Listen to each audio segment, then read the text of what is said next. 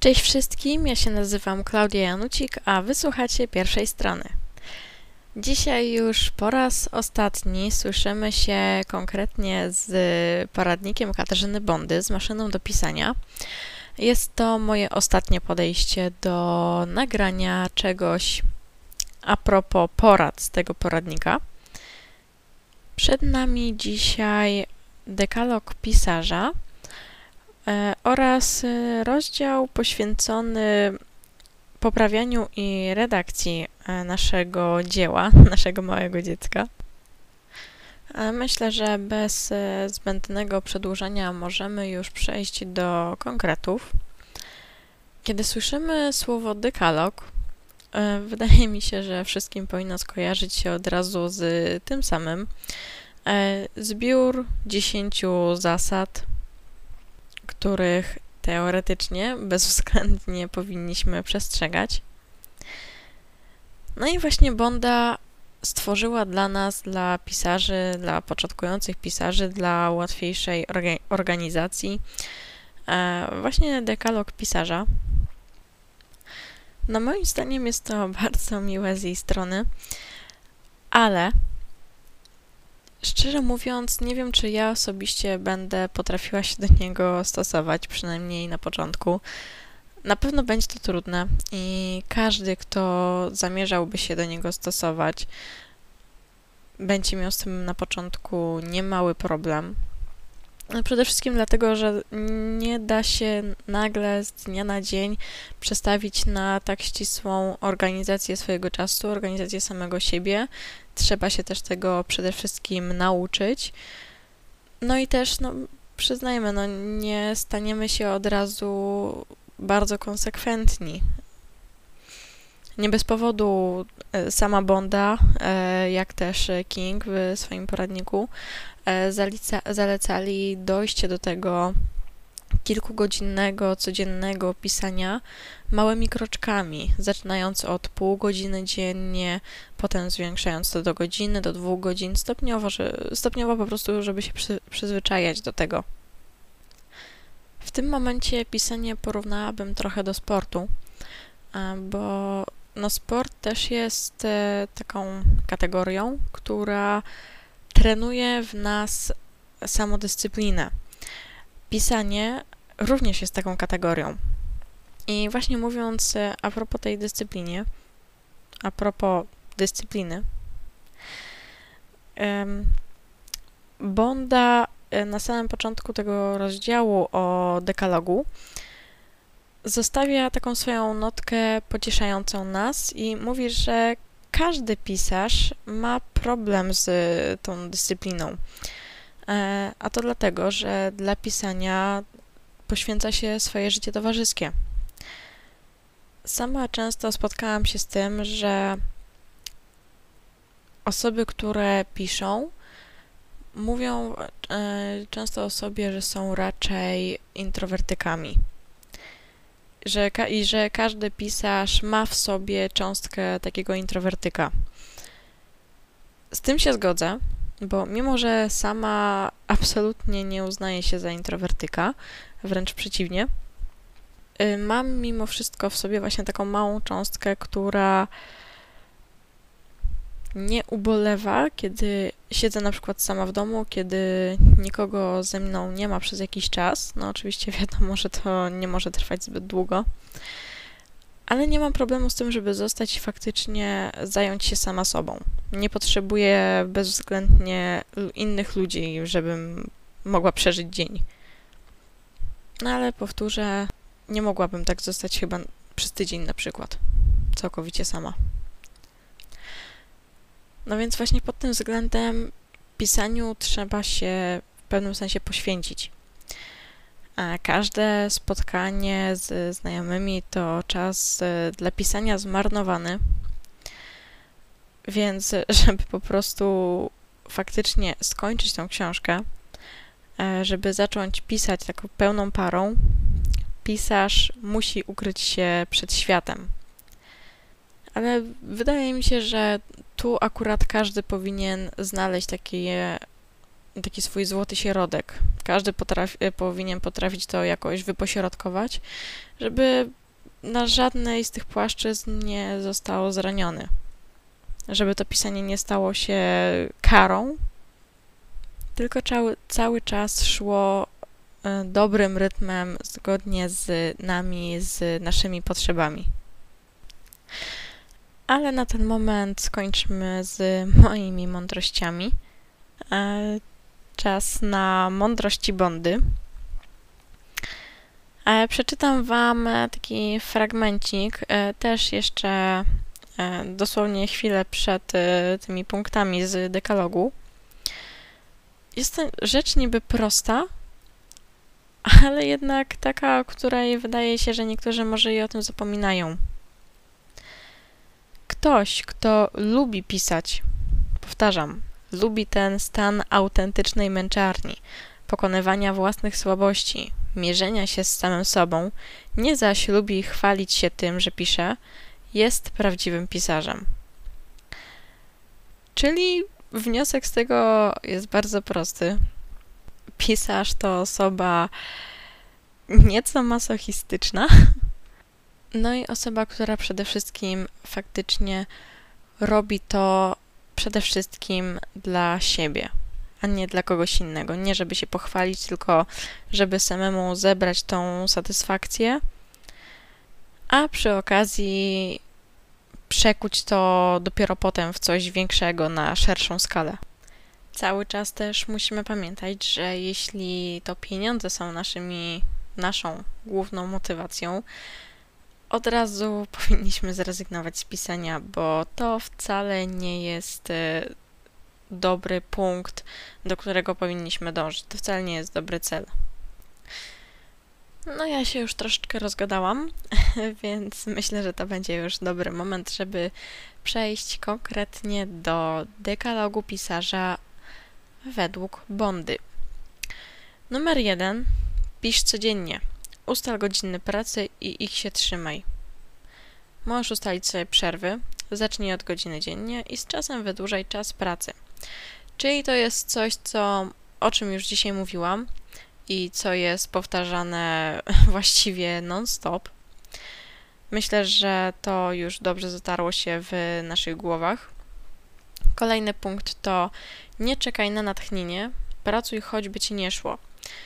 Czyli no tak naprawdę nawet nie wiem, co tutaj jeszcze dopowiedzieć. Po prostu nie czekamy na natchnienie, nie czekamy na cudowną inspirację, na piękną muzę, która przyjdzie nas oświecić tylko po prostu zasiadamy jak do każdej normalnej pracy i robimy swoje. Jeśli ci nie idzie, czytaj. To najlepsza recepta na blokadę. Istnieje też e, żelazna zasada zawodowców. Piszesz? Nie czytaj. Czytasz? Szukaj szwów. Każda powieść w trakcie pracy nad własną będzie miała w niej odzew. Czyli ostrożnie rozdzielamy przyjemność z czytania, a tą przyjemność z pisania, żeby, no tak jak tutaj powiedziała już Bonda, przypadkiem zbytnio się nie zainspirować, żeby nasza powieść pozostała nasza, a powieści innych twórców zostały jedynie na półce dla naszej późniejszej przyjemności. No chyba, że faktycznie mamy blokadę, która nie pozwala nam ruszyć się dalej. Czwarty punkt nie poprawiaj miesiącami jednej sceny. Nie czytamy jej w nieskończoność, nie poprawiamy cały czas non-stop, tylko poprawiamy i idziemy dalej do kolejnych scen, bo inaczej skończymy jak Michael Jackson, któremu w końcu odpadł nos. Numer 5. Nie myśl o fabule jako wielkiej górze. Nawet słonia e, można zjeść kawałek po kawałku. Czyli nie przerażamy się, że nasza książka według naszego zamysłu będzie miała tysiąc stron, czy ile sobie wymarzyliście. Do wszystkiego można dojść stopień po stopniu, kroczek za kroczkiem. Zajmie to trochę czasu, ale w końcu cel się osiągnie. Jeśli oczywiście faktycznie zamierzamy skoń skończyć naszą książkę. 6. Plan nie pozwoli ci się zwieść, ale jeśli go nie masz, daj się ponieść intuicji.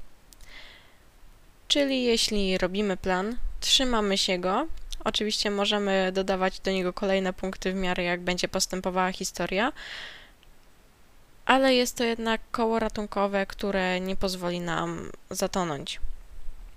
No, jeśli planu nie mamy, na przykład tak jak ja, po części, no musimy iść za intuicją, czyli po prostu dajemy się ponieść własnym palcom i no patrzymy, co tam się wystukało na tej klawiaturze. Kolejny punkt to drukuj tekst i analizuj, go na papierze. Tam możesz go poprawiać, ale jeśli chcesz, by ktoś ocenił Twoją pracę, daj mu wersję bez poprawek. Szczerze mówiąc, nie wiem, nie jestem pewna, dlaczego Bonda aż tak uparła się na drukowanie tekstu i poprawianie go na papierze. No według mnie jest to po prostu najwygodniejsze i najbardziej praktyczne. Chociaż ja bym się z tym tak do końca nie zgodziła, ale to już może sprawa bardziej osobista. E, ale na pewno zgodzę się z tym, żeby oceniać, żeby ktoś oceniał nasz tekst e, bez poprawek. Dalej, piszesz, skończysz. Dopiero potem zajmuj się jakimikolwiek poprawkami. To też jest bardzo cenna rada, do której ja się zaczęłam stosować jeszcze przed jej usłyszeniem. Po prostu sama doszłam do wniosku, że siedzenie i poprawianie tych scen nie ma zbytnio sensu, skoro i tak potem czeka mnie jeszcze konkretna, potężna redakcja. Bo kiedyś faktycznie szłam takim rytmem, że najpierw, siedzia, najpierw um, czytałam ten rozdział 2, zanim zaczęłam normalnie pisać. No i właśnie bardzo często było tak, że przy okazji coś tam jeszcze poprawiałam, dopisywałam. No a w tym momencie staram się faktycznie czytać tylko ten rozdział przed tym moim obecnym, który zamierzam właśnie zacząć, żeby się e, od początku znowu wdrożyć lepiej w historię, ale już nic w nim nie zmieniam. Tylko faktycznie czekam do tej końcowej redakcji. Numer 9, punkt 9. Kiedy skończysz, odłóż tekst na jakiś czas. Nikomu nic nie mów. Czyli sami też się musimy troszeczkę odseparować od tego naszego tekstu. Musimy trochę o nim zapomnieć. E, tak jak to pisał też King, Boże, mam nadzieję, że już w tym momencie nie mylę. E, ten tekst musi stać się dla nas takim troszkę ciałem obcym, żebyśmy mogli do niego podejść potem na chłodno i na trzeźwo, żeby wpadło nam więcej rzeczy niż e, tak właśnie przy, tak jak przy pisaniu na gorąco. No i ostatni czas, y, czas, ostatni punkt, punkt dziesiąty, minął czas kwarantanny. Przeczytaj całość jeszcze raz. Niech ktoś przeczyta ci go na głos. Wtedy wysłuchasz płynność tekstu.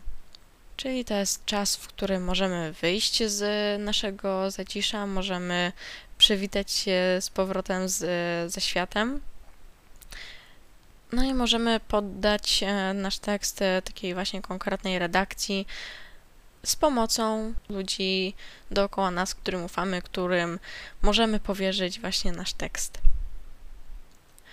To tyle, jeśli chodzi o dekalog pisarza, o rozdział jemu poświęcony. No i przechodzimy teraz do poprawiania i redakcji. Pierwsza rzecz, o jakiej znowu wspomina Bonda, to najpierw nabieramy dystansu do naszej powieści, Dopiero wtedy możemy się za cokolwiek związanego z poprawką zabierać. Jak już na tego dystansu nabierzemy, przepisujemy naszą powieść ze wszystkimi naszymi poprawkami. Jest to wykończenie książki. Jeśli trzeba, robimy to nawet kilka razy do momentu, aż będziemy całkowicie z niej zadowoleni. No, tak jak to autor może być zadowolony ze swojej powieści. E, dobrze by było, żebyśmy w swoim zasięgu mieli trzech krytyków.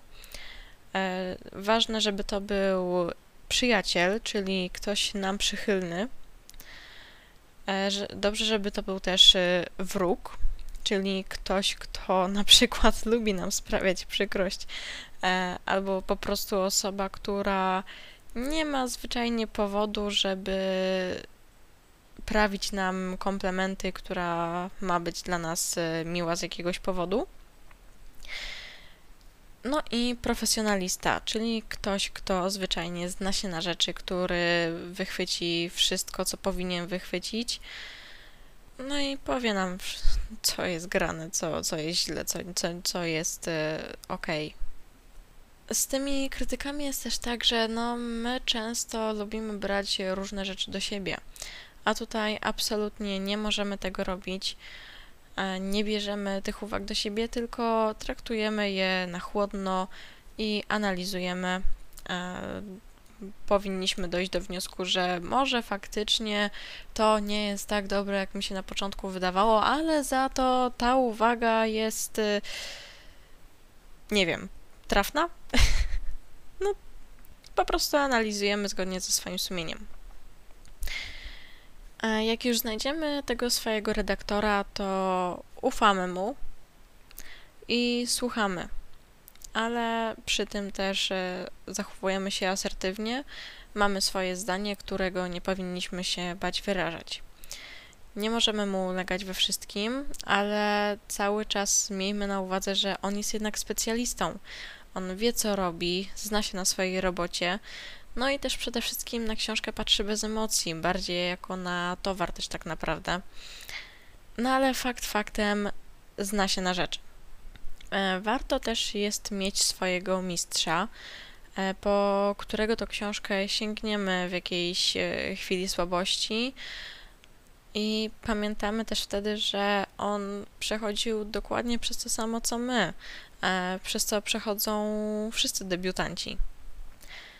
E, przytoczę Wam teraz e, cytat Bondy, też właśnie z poradnika. Jest to takie słodko-gorzkie określenie, kto faktycznie może być pisarzem. Jeśli masz talent i pokorę, jesteś uparty i traktujesz pisanie profesjonalnie, dostąpisz zaszczytów. Jeśli brak ci choć jednego z tych elementów, może musisz dojrzeć do decyzji o odpuszczeniu marzeń o własnej powieści. Nie zamierzam cię oszukiwać. Pisać może każdy, ale nie każdy może być pisarzem. Są to takie słowa faktycznie dosyć, mm, można by powiedzieć, nawet ostre, takie zderzenie z rzeczywistością. No ale nie można się nie zgodzić, że no jest to po prostu sama prawda napisana ale też moim zdaniem, nawet jeśli początkowo wydaje się, że ktoś nie ma tych cech, o których mówi Bonda, zawsze je można w sobie wypracować. E, może potrzeba je w sobie po prostu odkryć. No a tu znowu skłaniamy się zwyczajnie do tej samodyscypliny, o której cały czas y, była mowa. O tak naprawdę najważniejszej rzeczy, jeśli chodzi o pisanie. Bo co z tego, że będziemy mieć jakiś talent, będziemy mieć dryg do pisania, jeśli zabraknie nam właśnie tej dyscypliny, żeby to jakoś wykorzystać. W tym momencie przejdziemy do czegoś, e, z czego ja jestem bardzo zadowolona, że Bonda zawarła um, takie coś w poradniku. E, jest to rzecz, e, której mnie zawsze brakuje o której wydaje mi się, że powinno się mówić jak najwięcej. No, czyli jak naszykować pakiet dla wydawcy. W jaki sposób mamy zapakować to nasze opowiadanie, przygotować e, propozycję, żeby e, wydawca nie od, jej od razu nie odrzucił przez to, że czegoś na przykład na pierwszy rzut oka zabraknie, albo będzie po prostu bardzo nieschludne, bardzo słabo organizacyjnie zrobione. E, no, na pierwszym miejscu Bonda stawia fakt, że pakiet ten musi być schludny i dobrze wykonany, bo jest to nasza wizytówka i pierwsza ocena. W pierwszym punkcie stawia maszynopis, do wydawnictwa przesyłamy całą książkę. Może to być plik PDF albo też plik do edycji. E, musi być e, zawarty tytuł, a my musimy podpisać się pod nim jako autorzy. Wypadałoby też ponumerować strony, żeby jak najbardziej ułatwić e, temu wydawcy nasz e, e, pracę nad naszą książką, te oględziny. Zawiera też informację, że jak liczymy objętość. Objętość liczymy arkuszami. Jeden arkusz to 40 tysięcy znaków. Czyli teraz nawet jak w jakimś konkursie pojawi się informacja, że opowiadanie ma być nie dłuższe niż ark jeden arkusz, wiemy już, że jest to 40 tysięcy znaków. E, czcionkę wybieramy klasyczną, no i interlinię półtorej, żeby ułatwić jak najbardziej czytanie wydawcy. Poza tym w naszej propozycji musimy też zamieścić streszenie, streszczenia. E, nie ma to być notka, e, tak jak e, widujemy je na tyle okładki, tylko zarys powieści wraz z zakończeniem i ważniejszymi wydarzeniami. Dobrze, żeby było to około jednej strony maszynopisu. Wstawiamy dalej stopkę, podajemy imię i nazwisko, tytuł powieści, nasz numer telefonu albo e-mail. No i cały czas przy składaniu tego arkusza pamiętamy arkusza e, propozycji. Pamiętamy, żeby dbać o drobiazgi, bo wydawcy po prostu wolą pracować od razu z profesjonalistami. Musimy też napisać trochę o sobie. Na maksymalnie pół stronie maszynopisu e, piszemy w naszym stylu, naszym językiem, tak jak żyjemy, bym powiedziała. E, jakie ma, e, są nasze doświadczenia literackie? Czy mamy na koncie jakieś publikacje, nagrody, dokonania? Czym się zajmujemy zawodowo? Czym zajmujemy się prywatnie? Jakie mamy hobby, pasje? Czy działamy w organizacjach? E, dobrze byłoby dołączyć swoje zdjęcie, tylko nie takie paszportowe, tylko naturalne, właśnie tak jak żyjemy, może z jakimś takim naszym ala symbolem, z czymś, co po prostu jest naszą częścią. E, jeśli mamy stronę internetową, prowadzimy blog, e, podajmy śmiało adres, e, żeby trochę o nas poczytali. No i też jeśli mamy już na koncie jakąś napisaną pod pseudonimem książkę, powiedzmy to od razu i dajmy kilka słów wyjaśnienia, dlaczego zdecydowaliśmy się na taki, a nie inny pseudonim. Jeśli chodzi o sam list z ofertą wydawniczą, no to podobno to jest zazwyczaj zadanie najtrudniejsze. Nie piszemy żadnego listu błagalnego, ani zbyt. nie okazujemy w nim zbytniej pewności siebie.